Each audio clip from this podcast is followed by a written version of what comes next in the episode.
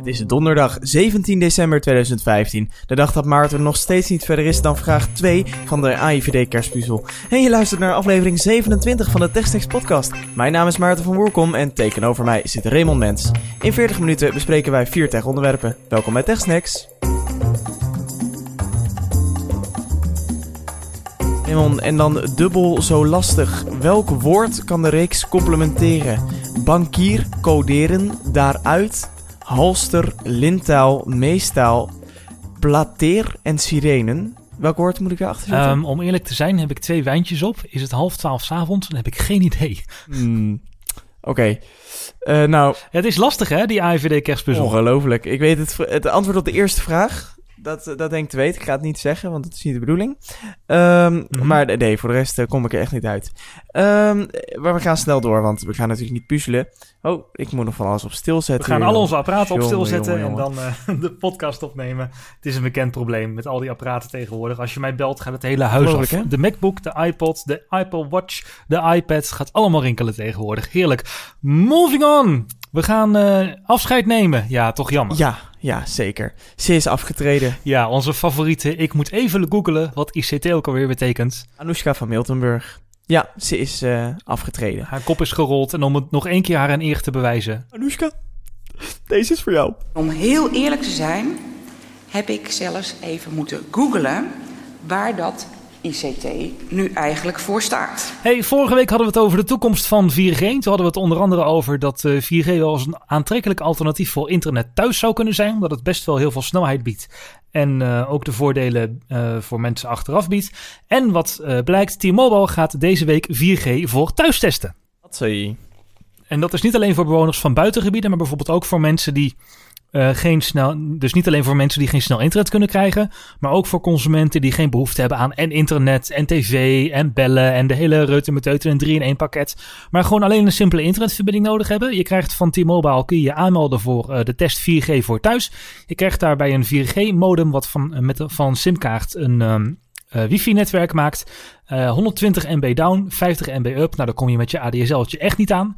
En uh, de komende drie, drie, maanden wordt het door T-Mobile getest. En uh, aan, afhankelijk van de test wordt het wel of geen echt product. En T-Mobile zoekt nog beta-testers. Dus als je geen behoefte hebt aan heel veel internet thuis of je woont in een buitengebied, t-mobile.nl slash 4G voor thuis. De link zetten we in de show notes. Um, nog een follow-upje. We hebben het gehad natuurlijk uitgebreid over de Apple TV, die nieuwe Apple TV met apps. En over het achterblijven van Nederlandse content. Uh, deze week heeft de NPO de eerste apps gelanceerd, hè? Ja, klopt. Um, de NPO en de NOS, want dat is niet één organisatie. De NPO heeft een 3FM Serious, Requ Serious Request ja, ja, uh, app gelanceerd. Beter bekend als het Glazen Huis. Precies, waarbij de jaarlijkse uh, actie om geld in te zamelen voor een goed doel nog meer uh, aandacht kan krijgen via de Apple TV. En uh, Radio 2 is met een top 2000 app gekomen, namelijk het andere muziekspectakel aan het eind van het jaar. Is nu ook te volgen op de Apple TV generatie 4. Um, en uh, we noemden het net al even, nu al mijn favoriete app op de Apple TV. De NOS heeft uh, zijn app gelanceerd. Dit scheelt mij elke ochtend um, airplayen. Dus ik heb het airplayen gewoon uit mijn ochtendritueel kunnen ver, ver, verbannen. En um, kan nu gewoon native vanaf mijn Apple TV even het journaal kijken. Vind ik uh, helemaal top. Ja, maar naast het journaal zitten er ook natuurlijk videofragmenten in. Een dagelijkse selectie van fragmenten die, die volgens de redactie de moeite waard zijn. Dus dat daar een kerstmannenrun bij waarvan ik dacht, is dat echt de moeite waard voor vandaag? Maar er is ook weinig nieuws, dus we nemen het ze niet kwalijk. Hey, uh, we hebben het in de podcast regelmatig over de show notes. En mensen vragen zich af, maar gasten, Waar kunnen we die show notes dan vinden? Want we snappen het niet helemaal. Want nee. de show notes worden niet... Nee, jee, waar zijn de show notes nou? Nou, het blijkt dat bepaalde podcastplayers... Uh, die kunnen niet uh, heel goed overweg met linkjes en dat soort dingen. Dus daarom plaatsen wij de show notes... dat zijn de linkjes die we in de, in de aflevering noemen... en de onderwerpen niet meteen uh, in de audio zelf, dus in de podcast app. Maar je moet gewoon even naar onze website en daar staan ze altijd wel. En dat hebben we gedaan omdat sommige uh, podcastplayers nou eenmaal ja, uh, fucked up eruit zien als ze linkjes moeten gaan tonen. En dan wordt een linkje weer als HTML-code weergegeven, et cetera. Onder andere Marco vroeg dat dus bij deze. Um, dus techsnacks.nl vind je elke aflevering. Wat je ook op techsnacks.nl vindt is een heel gaaf archief.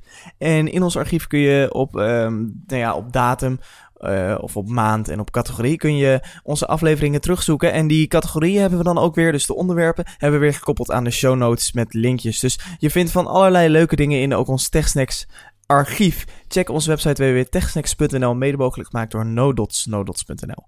Uh, we gaan door naar uh, de eerste TechSnack.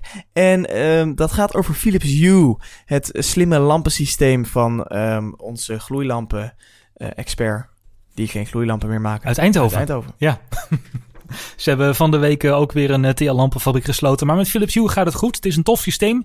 Heel veel mensen vinden het tof en uh, het werkt ook goed. Ja, want is het, nou, is het nou een beetje doorgebroken? Of vind je Philips Hue eigenlijk nog alleen maar bij de, bij de geeks en bij de, bij de nerds in huis? Ja, daar twijfel ik een beetje over. Want het is aan de ene kant wel, hè, als je het over Philips Hue hebt, je ziet het ook bij bol.com en in, in een VND of in een bijenkorf zie je het ook liggen. Dus het is ook wel een beetje hè, gewoon het slimme internetsysteem wat iedereen kan snappen op zich. Ja, maar wat was er nou minder bekend over Philips Hue? Nou, minder bekend was dat je ook andere lampen erop kunt aansluiten die uh, ook een uh, wifi-verbinding hebben. Is dat zo? En die kun je dan ook gewoon met de Philips Hue-app verbinden. En dat komt omdat slimme verlichting allemaal met één standaard werkt. Dat is namelijk Zigbee. Onder andere Osram is een Duitse fabrikant. Die maakt die lampen en die zijn niet soms alleen goedkoper, maar ook uitgebreider. Bijvoorbeeld Osram heeft een hele set met tuinlampen. En die heeft Philips helemaal niet. Maar omdat ze allemaal met die standaard werken, kun je die toch gewoon binnen de Hue-app bedienen. En werk, ja, werken die andere lampen net zo goed als je eigen Philips Hue-lampen. Oké. Nou, dat is wel mooi, want dan heb je alles gecentraliseerd in één app. En, en dan kun je gewoon je hele huis, of je hele verlichting, ja. uh, infrastructuur van je huis kun je bedienen vanuit die app. Precies, en hoef je geen honderdduizend verschillende apps, als je ook de Osram systeem hebt, of LG heeft ook een systeem, en uh, Sitecom heeft ook een, een lichtsysteem. Dan kun je gewoon lekker mixen en matchen tot de laatste software-update van Philips Hue. Want na die software-update werd er op Reddit ineens een topic gemaakt waarin mensen melden dat ze lampen van andere partijen niet meer konden verbinden met Hue. Oh. Ja, dat was niet zo mooi. Nou, uh, Philips gevraagd op Twitter en die bevestigen. Om de ervaring te garanderen, de optimale ervaring van onze klanten te garanderen, uh, kunnen vanaf de laatste software-update alleen nog maar lampen van Hue of Friends of Hue gebruikt worden met de Hue-app. Op zich een logische keuze. Ja, vind je? Ik snap het vanuit Philips, snap ik het wel. Want je laat namelijk andere fabrikanten, uh, die producten van andere fabrikanten, laat je toe binnen je eigen ecosysteempje. Hè, waarvan jij eigenlijk de kwaliteit wil garanderen. Ja. Philips Hue is een duur systeem. Uh, Philips wil daarmee hè, een bepaalde klasse, een bepaalde kwaliteit uh, willen ze daarmee bieden en ook uitstralen. Dan snap ik dat je zegt, nou, al die budgetzooi wil ik eigenlijk niet vanuit mijn infrastructuur, vanuit mijn app waar ik heel erg voor mijn best wil doen om daar een goede user experience in te garanderen, wil ik er niet in hebben. Dat snap ik wel, want als zo'n lamp van zo'n mm -hmm. zo'n budgetpartij ineens toch niet goed gaat werken, Um, dan wordt Philips daar misschien eerder op aangekeken. Ja, nou, ik denk als jij zo'n, om het even de advocaat van de duivel te spelen, als jij zo'n externe lamp gaat aansluiten en je weet al dat het kan, dan ben je al wel een gebruiker die dat snapt. Nou, en op het internet zijn blijkbaar heel veel van die gebruikers, want het internet was boos. En het internet was niet boos om de actie zelf, maar vooral omdat het zo onaangekondigd was. Want mensen hadden geïnvesteerd in een ecosysteem dat prima met hun Hue Bridge werkte. Maar ineens dus niet meer. En Philips heeft dat helemaal niet aangekondigd of wat dan ook. En dus regende het negatieve reviews op bol.com en ook vooral op de Amerikaanse versie van Amazon gingen mensen spontane 1 sterren reviews uh, geven. En uh, wat ik ook gek vond aan die move, een opmerkelijke move maakte, dat Philips eerder dit jaar nog met veel bombarie de Connected Lightning Alliance heeft opgericht. Waardoor ze met andere fabrikanten gingen samenwerken om juist die kwaliteit waar jij het over hebt te kunnen te garanderen via de Zigbee-standaard die gewoon open is. En hè, ze willen dus via die, uh, de Connected Lightning Alliance willen ze het mixen en matchen van uh, slim licht in huis uh, bevorderen. Ja, dat, dan gaan ze elkaar zichzelf inderdaad een beetje tegen, tegenwerken. Ja, en deze week, begin deze week kwam Philips met een, met een klein statement. En er was al wel wat ontwikkeling. Want eerst zeiden ze, ja, nee, maar we houden ons toch wel aan die standaard hoor. Want lampen kunnen nog gewoon gekoppeld worden. Maar je ziet ze alleen niet meer in de app. Dus ze hadden een soort van whitelist aangemaakt. Dat je die lampen alleen maar zag. Uh, dat je die lampen wel technisch kon koppelen. Dus de koppeling was het technisch. Maar je kon ze niet meer met de API en de app bedienen. Dus het was een beetje alsof, alsof een jurist had uitgezocht van... Hè, hoe kunnen we dit nou toch erdoor manoeuvreren? Terwijl we toch aan de, ons aan de standaard houden. Ah, oké. Okay. Nou, maar woensdag kwam het verlossende ja. woord. En heeft Philips, uh, is Philips toch gezwicht voor de vele kritiek op het internet. En hebben ze naar alle media, waaronder, waaronder andere ONT, waar ik voor schrijf, een uh, statement uitgebracht. Waarin ze zeggen um, dat ze de software hebben geüpgrade uh, om klanten de beste naadloze ervaring te geven. En dat ze het te goede trouw hebben gedaan. Dat ze hebben onderschat welke invloed het heeft op een klein aantal klanten die lampen van andere merken willen gebruiken. En met het oog op de reacties van de klanten heeft Philips besloten om de software-update ongedaan te maken, zodat lampen van andere merken weer gewoon gebruikt kunnen worden, zoals het altijd was met het Philips Hue-systeem. Dus ze gaan de update weer terugdraaien of ze brengen een nieuwe update uit voor die Hue Bridge, die dat uh, Zigbee-standaard, die de Zigbee-standaard weer helemaal openzet, zoals het hoort. Ja, oké. Nou ja, op zich dan uh, uh, toch gezwicht onder de groepsdruk. Ja, gezwicht onder de groepsdruk, maar dat brengt me wel op het probleem dat zeg maar Philips niet de enige fabrikant is van slimme apparaten. En dat op deze manier domotica voor in huis, de Internet of Things, dat wordt totaal onoverzichtelijk en totaal onbetrouwbaar. Je bent eigenlijk maar een beetje overgeleverd aan de nukken van de fabrikant. Ja, ja, dat is waar. Maar dat is natuurlijk met heel veel elektronica zo. Uh, je hele Apple-infrastructuur, waar je eh, toch wel heel veel apps en alles binnen, binnen gebruikt in je dagelijks leven, is natuurlijk ook gewoon volledig afhankelijk van wat Apple wil. Ja, maar dat is nog altijd wat anders dan een breed ecosysteem. Dus echt een systeem wat hecht in je hele huis van invloed is en waar meerdere fabrikanten inspelen. Kijk, bij een smartphone, daar kan één fabrikant kan alles leveren, zowel de apps als uh, de backupdienst, als andere additionele services. Waarbij een ecosysteem voor slim apparaten in huis, één fabrikant heeft gewoon niet alles. Als die fabrikanten samen afspreken om één standaard te gaan hanteren, namelijk Zigbee, ja, dan hoor je daar wel aan te houden. En niet ineens door middel van een software-update zeggen: uh, Ja, nee, we hebben ons toch bedacht. En we vinden het toch belangrijk dat mensen onze producten kopen. En dat dat van goede kwaliteit is. Dus uh, we ondersteunen al die andere troep. Nou, die ondersteunen we daar niet meer. Ja, dat kan natuurlijk niet als je niet alles zelf maakt. En ik vermoed dat dat hele Internet of Things hier nog best veel last van gaat hebben. Ik heb namelijk even zitten kijken of er al meer uh, concreet grote problemen waren geweest met apparaten die met de Internet of Things babbelen of met Internet of Things apparaten. En daar kwam ik onze vrienden van Samsung tegen. Die hadden een koelkast gemaakt. En die koelkast die had een koppeling met Google Kalender. Dus dat je even op je koelkast kon kijken wat je afspraken vandaag waren. Of je vrouw of je kind of je gezin kon snel in de agenda of in de huishoudagenda kijken. Maar Google had zijn API veranderd. Uh, die hadden een modernere API geïntroduceerd en daardoor kon de koelkast de Google-service niet meer bereiken. Nou, Samsung heeft er een jaar over gedaan om een software-update voor die koelkast te shippen. En toen was die ook nog kapot, want uh, na een jaar werkte de kalender weer. Maar toen gaf hij met de nieuwe API alles een uur te laat aan. Maar een slechte beurt van Philips dus, dat even dacht een open standaard achter zich te kunnen laten, waardoor heel veel andere apparaten van mensen die in een ecosysteem hadden geïnvesteerd en die niet meer bleken te werken. Ik ben wel benieuwd wat, uh, wat de ervaringen van onze luisteraars zijn en die kunnen dat uh, insturen naar ons via techsex.nl slash submit of gewoon naar techsex.nl gaan en rechtsboven klikken op reageer op de uitzending. Je kan ook mailen naar reactie.techsex.nl. Dan uh, nemen we het volgende week mee in de, in de follow-up. Ja, ik ben ook benieuwd of er gebruikers van systeem voor een slim huis of Philips Hue of andere domotica onder onze luisteraars zijn. Of het dan ook allemaal een beetje werkt al. Hey, uh, snel door naar de volgende techsnack. Er was ophef, opschudding vandaag. Want ING leek via internet wat te bevestigen. Um, de webcare-medewerker Orkun, Orkun, ik heb geen idee hoe ik ze nou moet uitspreken, heeft aan ene Mark uh, de volgende tweet gestuurd. Hi Mark, de plannen zijn er inderdaad. Houd ing.nl de aankomende periode in de gaten. Wens je nog een fijne dag. Orkoen. En die plannen gingen over Apple Pay. Want Mark was even nieuwsgierig en heeft getwitterd van... Uh, hey joh, uh, het INGNL. Um, hoe zit het eigenlijk met Apple Pay? Hebben jullie er al plannen? Nou, uh, ja, ze Orkoen heel enthousiast. Dus die plannen zijn er. Oei, en toen ontplofte er even wat op internet.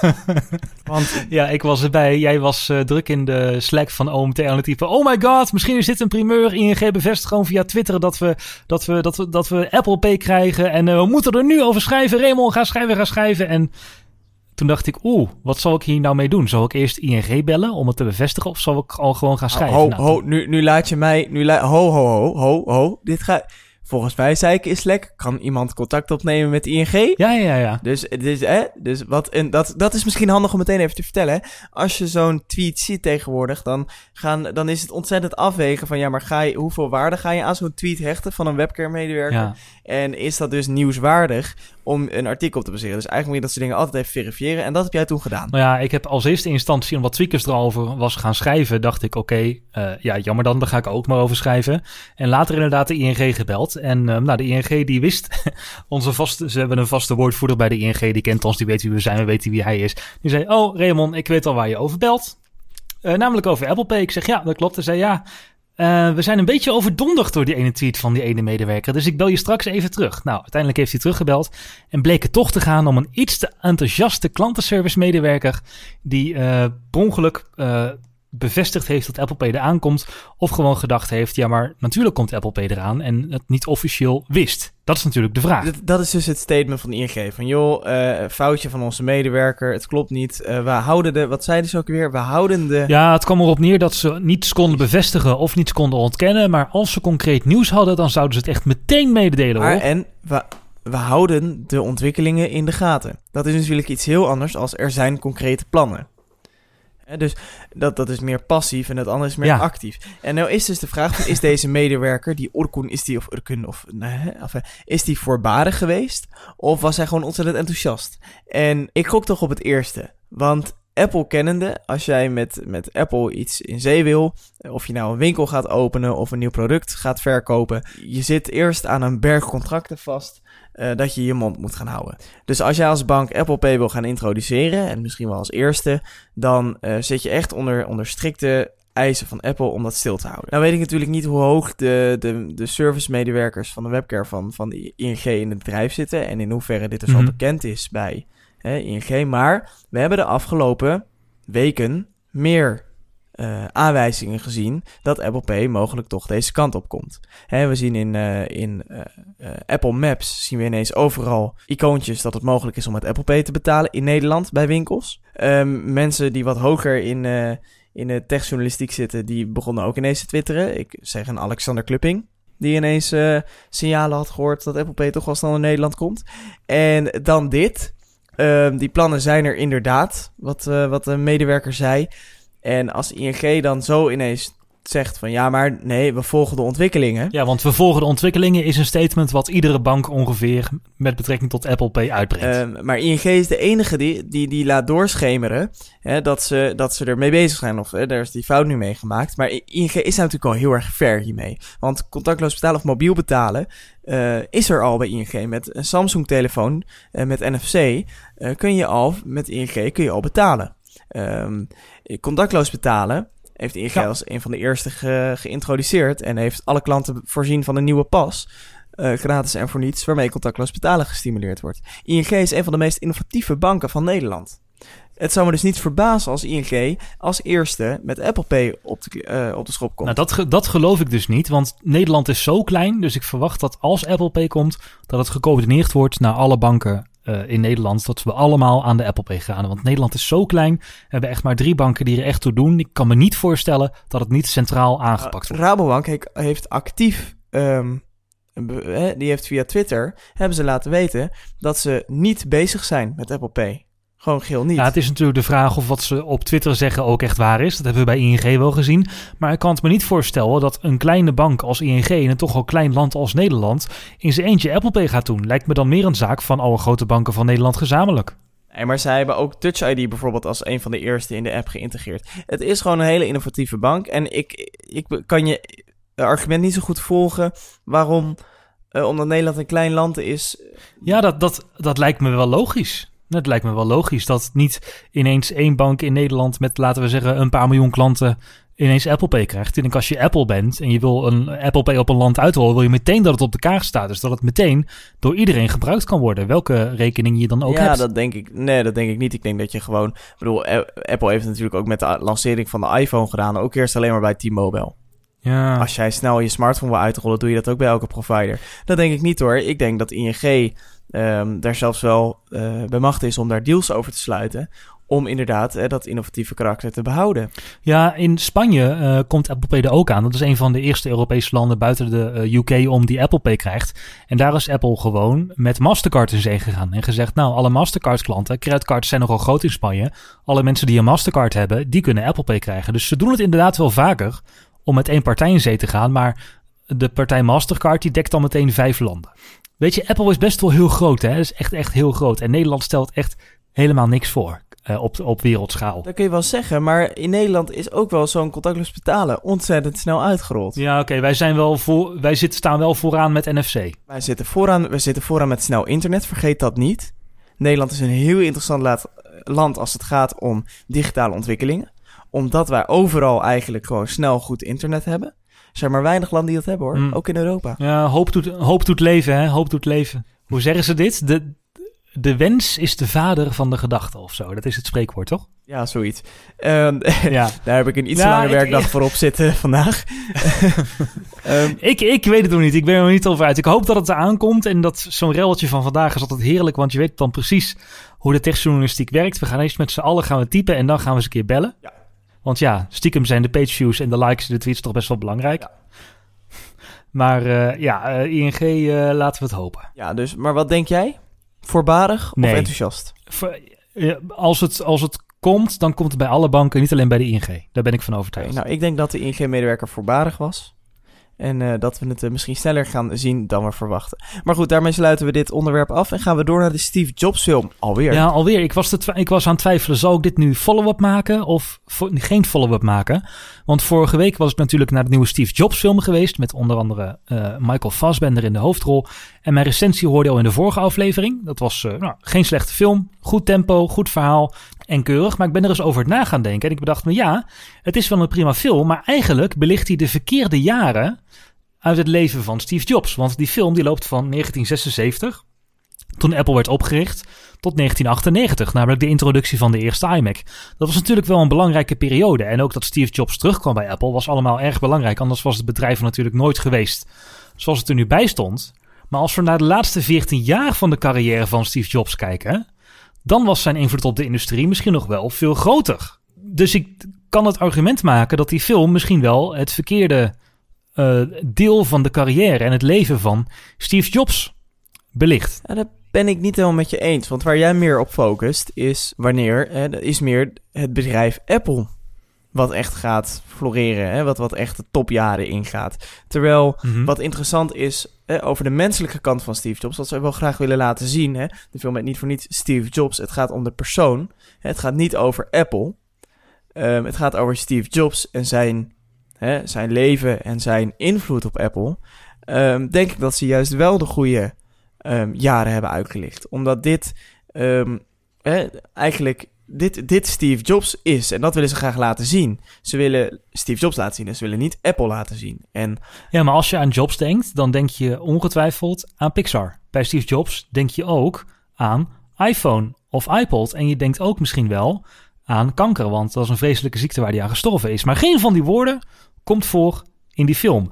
En Steve Jobs is niet alleen de man die Apple heel succesvol heeft gemaakt, maar die ook gewoon binnen de industrie een hele belangrijke verandering, een groot aantal belangrijke veranderingen heeft meegebracht. Ik denk dat een film die daarop focust, dus meer op de, ja, de laatste 14 jaar van zijn leven en de invloed van de, op de industrie zoals we die vandaag de dag kennen, dat hij veel succesvoller was geweest. maar ho- hoezo dan? Omdat Apple toen een beter bedrijf was. Ja, omdat ik denk dat het meer mensen aanspreekt ehm, over hoe Steve Jobs de laatste 14 jaar eh, het moderne leven, de technologie en de industrie heeft beïnvloed. In plaats van hè, het allereerste begin. Ja, maar hoe maak, je dan, hoe maak je dan een film over Steve Jobs? Want dan ga je toch heel snel een film maken over ehm, het succes van Apple. Laten we beginnen met de iPod.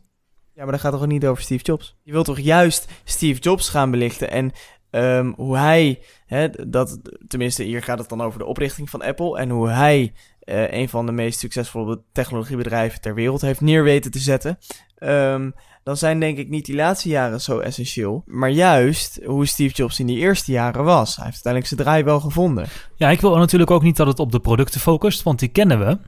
Maar het maken en bedenken en marketen van zo'n product, laten we niet vergeten dat daar een heel proces omheen is gegaan. Ik zou best een verhaal willen zien over hoe het nou ging, die onderhandelingen met die labels voor de allereerste iPod en de allereerste iTunes Store. En ik zou best willen zien hoe het nou ging ehm, bij Samsung en bij BlackBerry toen de iPhone werd aangekondigd. Hoe de reactie van die mensen was. Dan hou je het juist menselijk in plaats van product. Ja, maar ik vraag me dus af of dat de insteek is geweest van deze film. Nee, dat is niet de insteek van deze film geweest. Maar mijn argument is: er zou nog een veel betere Steve Jobs film gemaakt kunnen worden. als we nou deze dingen eens zouden pakken. Ja, Ja, oké. Dus dan, dan heb je het bijvoorbeeld over muziek over de iPod. En aan welke... dus we beginnen, we beginnen met de iPod. Gaan we even jouw ideale film gaan we even schetsen. We beginnen met de iPod. De revolutie van de muziekindustrie.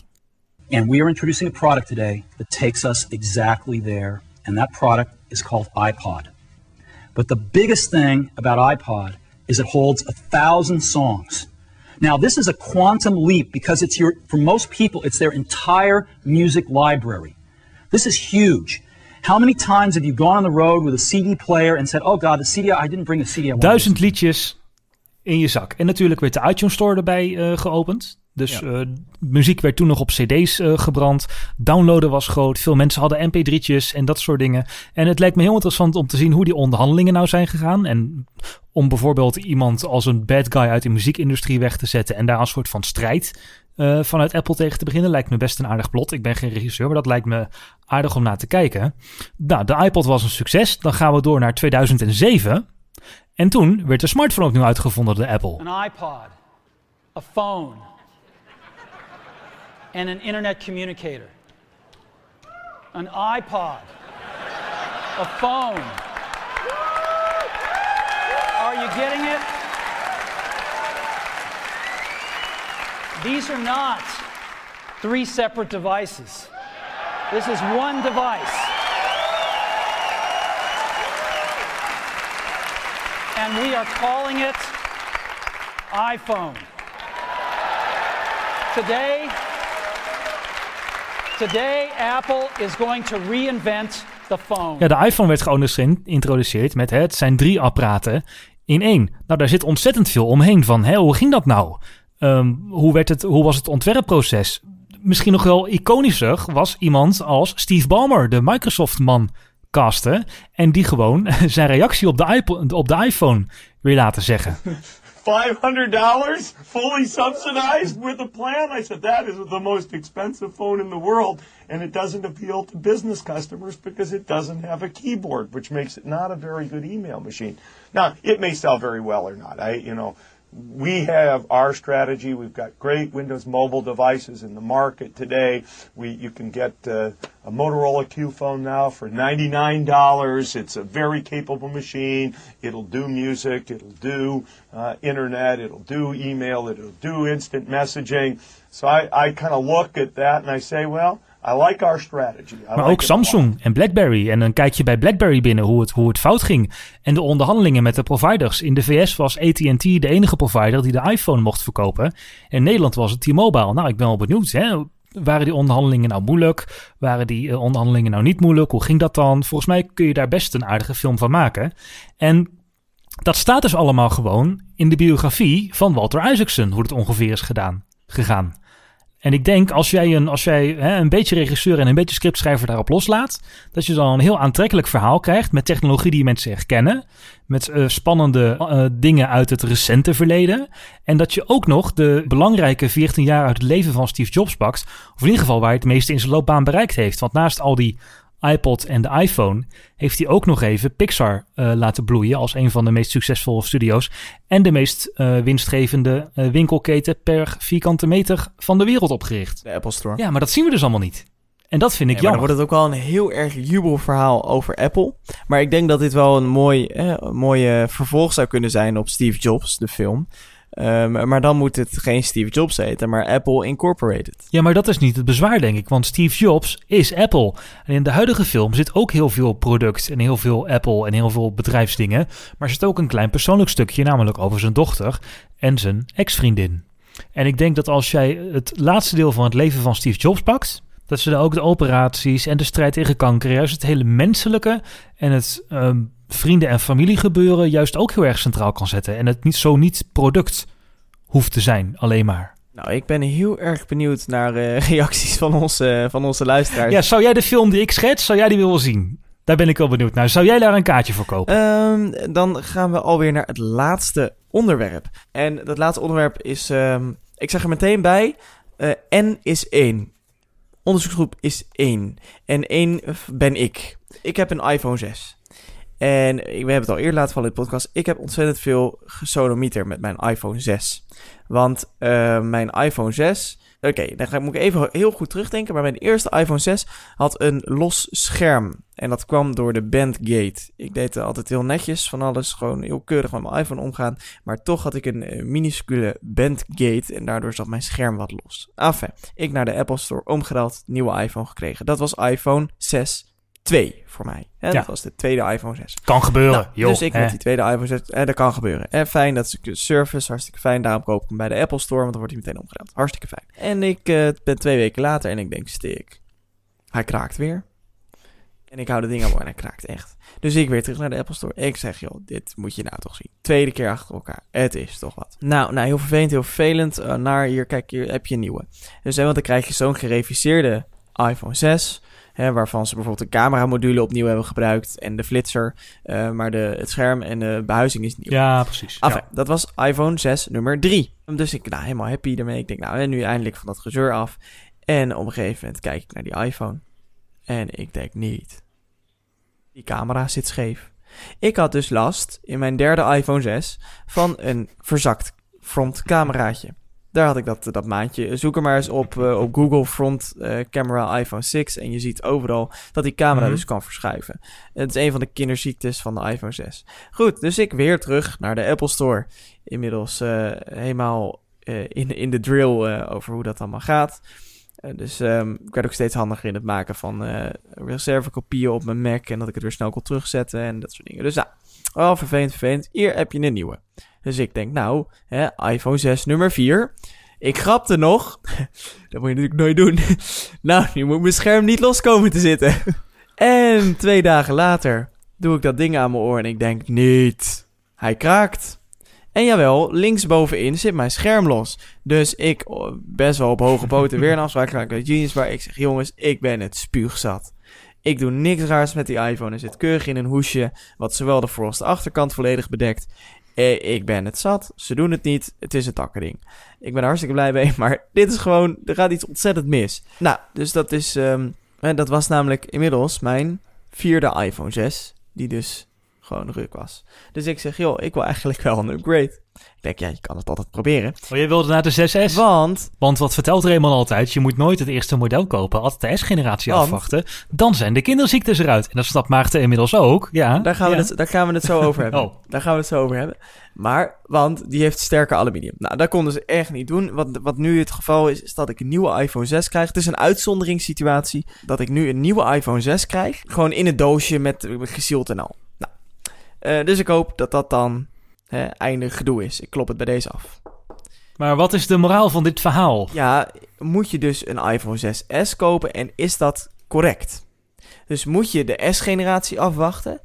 Eh, en is dat correct? Want eigenlijk, hè, de, de strategie die Apple doet met de iPhones, is dat de iPhone 33 eigenlijk ook Ja, ze zijn al bij de, bij wijze van spreken, zijn ze bij de iPhone 7. Precies. Of bij de iPhone 8 inmiddels. Bij de ja. iPhone 8 inmiddels. Hè, die, die 7, en dan gaan ze kijken van, nou, wat kunnen we er afhalen? Ehm, dat doet Apple al jaren.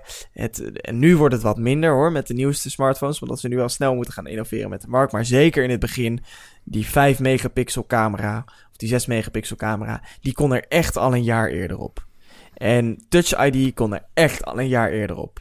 Maar dat hebben ze gewoon uitgesteld. Dat is gewoon een hele slimme strategie. Maar dan ga je kijken naar, eh, het is toch het flagship model. Je betaalt verdorie meer dan 800 euro voor zo'n apparaat. Eh, als je dan de 64 gig koopt. Maar zijn ze dan echt actief aan het downgraden? En dan heb ik het niet over specificaties of hippe dingetjes. Hè, want je kan een apparaat hip, hipper, hipst maken. Ehm, en Apple die denkt, nou hip is ook goed, want dan kopen mensen het ook wel. Ja, dat zou ik ook denken. Hè, dat is het top voor die model. Want als je dan het volgende jaar hipper en daarna hipst kan lanceren, dan ben je drie jaar verder voordat je weer... Maar wat heeft dat dan met de kwaliteit te maken? nou, hè, als je kijkt naar bijvoorbeeld dat ze ander aluminium hebben gebruikt. Dus zijn de producten zonder S erachter. Dus de iPhone 5, de iPhone 6, de iPhone 4. hè, dus, dus niet degene die daarnaast komen. Zijn die echt ehm, met opzet slechter gemaakt dan de iPhone die erna komt. Dus moet je inderdaad gaan wachten tot de iPhone die erna komt. Wat eigenlijk heel erg raar is. Dit is een hele wijze levensles dat je altijd op de S moet wachten. Maar ik snap inderdaad dat je het raar vindt. Maar wat er denk ik aan de hand is, is dat Apple gewoon te, snel en te veel wil. En dat dat soms ja, in hele stomme fouten in een eerste generatie product eruit komt. Als je een jaar langer krijgt om aan een product te werken en om het te verbeteren, dan heb je de kinderziektes wel uit. Dat is ook de reden waarom ik altijd op de S wacht. Maar als jij vooruit wil pushen en je wil die nieuwe technologie erin en je wil eh, een nieuw ontwerp en je wil het dun en je wil het mooi en je wil het strak, ja, dan eh, moet er soms een compromis gesloten worden. En blijkbaar lukt het niet altijd om met, dat met goede kwaliteit te doen, zoals we bij de iPhone 6 hebben gezien. En waar we in ons TechSnack zomerdiner ook een uitgebreide klaagzang van Menno Kiel over hebben gehoord. Over zijn iPhone 6 Plus met die 1 gigabyte RAM. Dat het eigenlijk toch wel een beetje te weinig is. Ja, dat zijn van die dingen waarvan ik dan denk, ja, Apple wil heel hard, ze willen heel veel en ze willen alles meteen integreren. Maar het, er zijn ook limieten aan het materiaal en aan, ja, aan wat mensen kunnen. Ik geloof daar niet zo in, Raymond. Ik geloof daar dus niet zo in. Ik geloof er niet in dat ze bij Apple dit lanceren en dat ze, oh jee, oh dat wisten we niet. 1 gigram in een iPhone 6 Plus. Oh jee, dat wisten we niet. Daar geloof ik niet in, want dat zijn ontzettend knappe koppen. Dat zijn duizenden mensen die aan zo'n apparaat werken. Dat wordt honderdduizend keer getest. Um, ze hebben wel een reputatie hoog te houden. En ik geloof dus niet, maar, ze willen natuurlijk ook, dit is ook een ontzettend commercieel bedrijf. Um, en gaan ze daarin niet te ver? Ja. Nou, ik denk inderdaad wel met dat ze dat, dat ze met de 6-serie wel een van de slechtere eerste series, nieuwe series hebben opgeleverd. Inderdaad, als je ziet wat voor problemen die telefoon heeft gehad. En wat voor kleine dingen er toch mee zijn, dan denk ik... Precies, en oh, kun je dat maken, want je gaat echt een nieuwe, een nieuwe flagship introduceren. de 6 was echt een nieuwe richting, want het werd een grotere iPhone. De hele wereld werd er gek eh, van, want ja, de grotere iPhone, ja. Kun je het dan maken om dit soort, hè, nou ja, grove fouten als het, te weinig aluminium of het te, te slap aluminium gebruiken in je producten, kun je dat dan toestaan? Kun je dat maken? Want de iPhone 6 heeft veel meer um, aandacht gehad dan de iPhone 6S. Terwijl de iPhone 6S een veel beter product is. Nee, maar luister. De iPhone 6S is een iPhone 6 die een jaar extra aandacht heeft gehad. Want daar zit de hele ontwikkeltijd van de 6 in. Het is min of meer hetzelfde product, plus een jaar verbeteren. Dus ja, dat lijkt me logisch dat het dan een beter product wordt. Maar ik denk echt dat het een kwestie is van dat Apple te hard wilde. Of nou ja, niet te hard wilde, maar dat ze echt de limieten hebben moeten opzoeken die ze, die ze hebben kunnen gebruiken. En er zal ongetwijfeld een reden zijn waarom ze 6000 series aluminium hebben gebruikt en niet 7000 series aluminium. Um, zoals in de iPhone 6S. Misschien was het nog niet beschikbaar, misschien was alles op voor de Apple Watch. Maar je moet toch zo'n iPhone uitbrengen. Ja, dan kies je misschien voor een compromis. En ik weet vrijwel zeker Apple-producten worden gekocht omdat de uh, mensen er over het algemeen heel tevreden mee zijn. Dat de klanttevredenheid heel hoog is. En ik weet heel zeker dat Apple ook baalt als iets niet lukt qua klanttevredenheid. En dat er mensen zijn die zes keer een iPhone 6 om moeten ruilen. Dat hoort natuurlijk niet. Maar ik weet niet of het bewust is. Ik zoek daar niet zoveel achter dat het echt bewust is. Nee, nee ik, vind het, ik, vond dat, ik zat er in ieder geval over na te denken. Kijk, ik ben hartstikke blij met de service die ze bieden hoor. Want... En volgens mij hè, is er met, met uh, de iPhone 6 van 95% van de mensen niets aan de hand. Maar ik ben het ook met je eens dat, uh, dat de bouwkwaliteit en de, de, de technische uitvoering van de iPhone 6 die was niet zoals we gewend waren van Apple. Kijk, en waarom ik die 6 heb gekocht, is omdat die echt groter is. En mijn ogen niet zo goed zijn. Dus dat, daar heb ik ook echt gewoon heel erg veel plezier van, dat dat ding wat groter is. Want ik, heb er, ik kan gewoon beter naar mijn telefoon kijken. Dus ik ben nog steeds heel erg blij met die iPhone 6. En ik bedoel, het is ook niet uh, gebaat bij Apple. Want ik heb inmiddels, ik heb het uitgerekend. De retailprijs wat ik voor die iPhone betaald heb, heb ik inmiddels terug in wat ik voor de reparaties had moeten betalen. Sterker nog, ik ben er overheen met de volgende iPhone. Dan heb ik bijna het dubbele binnen. Dus... Dat bedoel ik ook. Kijk, Apple wint er niets mee om bewust een product op de markt te brengen wat niet echt lekker werkt. Zij, winnen, zij krijgen daar alleen maar gezeik door. Ze krijgen er alleen maar meer mensen. Bij de toch al drukke Genius Bar en de reputatie gaat ervan uh, achteruit. Dus zij zijn daar ook niet bij gebaat. Maar ik denk dat het gewoon, ja, onhandigheid, nee, onhandigheid, het gewoon te hard pushen is geweest. Hey Ramon, we hebben het al een tijd niet meer gedaan, maar even een leuk appje bespreken. ja, dat gaan we doen. Want ik heb namelijk wel een gaaf appje en dat is van een, uh, een Nederlandse ontwikkelaar. Ik ga even kijken wat die kost. De Architecture of Radio is een app en daarin kun je zeg maar, als een soort van augmented reality laag, augmented reality laag, kun je um, om je heen kijken via je je gyroscoop in je mhm. iPhone, kun je om je heen kijken um, welke straling er is. Oh, dus qua wifi, radio, telefoon. Juist, juist. Je ziet echt uh, letterlijk um, wat er door jouw huis loopt en wat er om jou heen te zien is. En dat wordt ook gedefinieerd. Dus um, het is best wel bizar om uh, te zien hoeveel straling er eigenlijk om je heen is. En welke wereld um, er eigenlijk uh, nog schuilt uh, om je heen.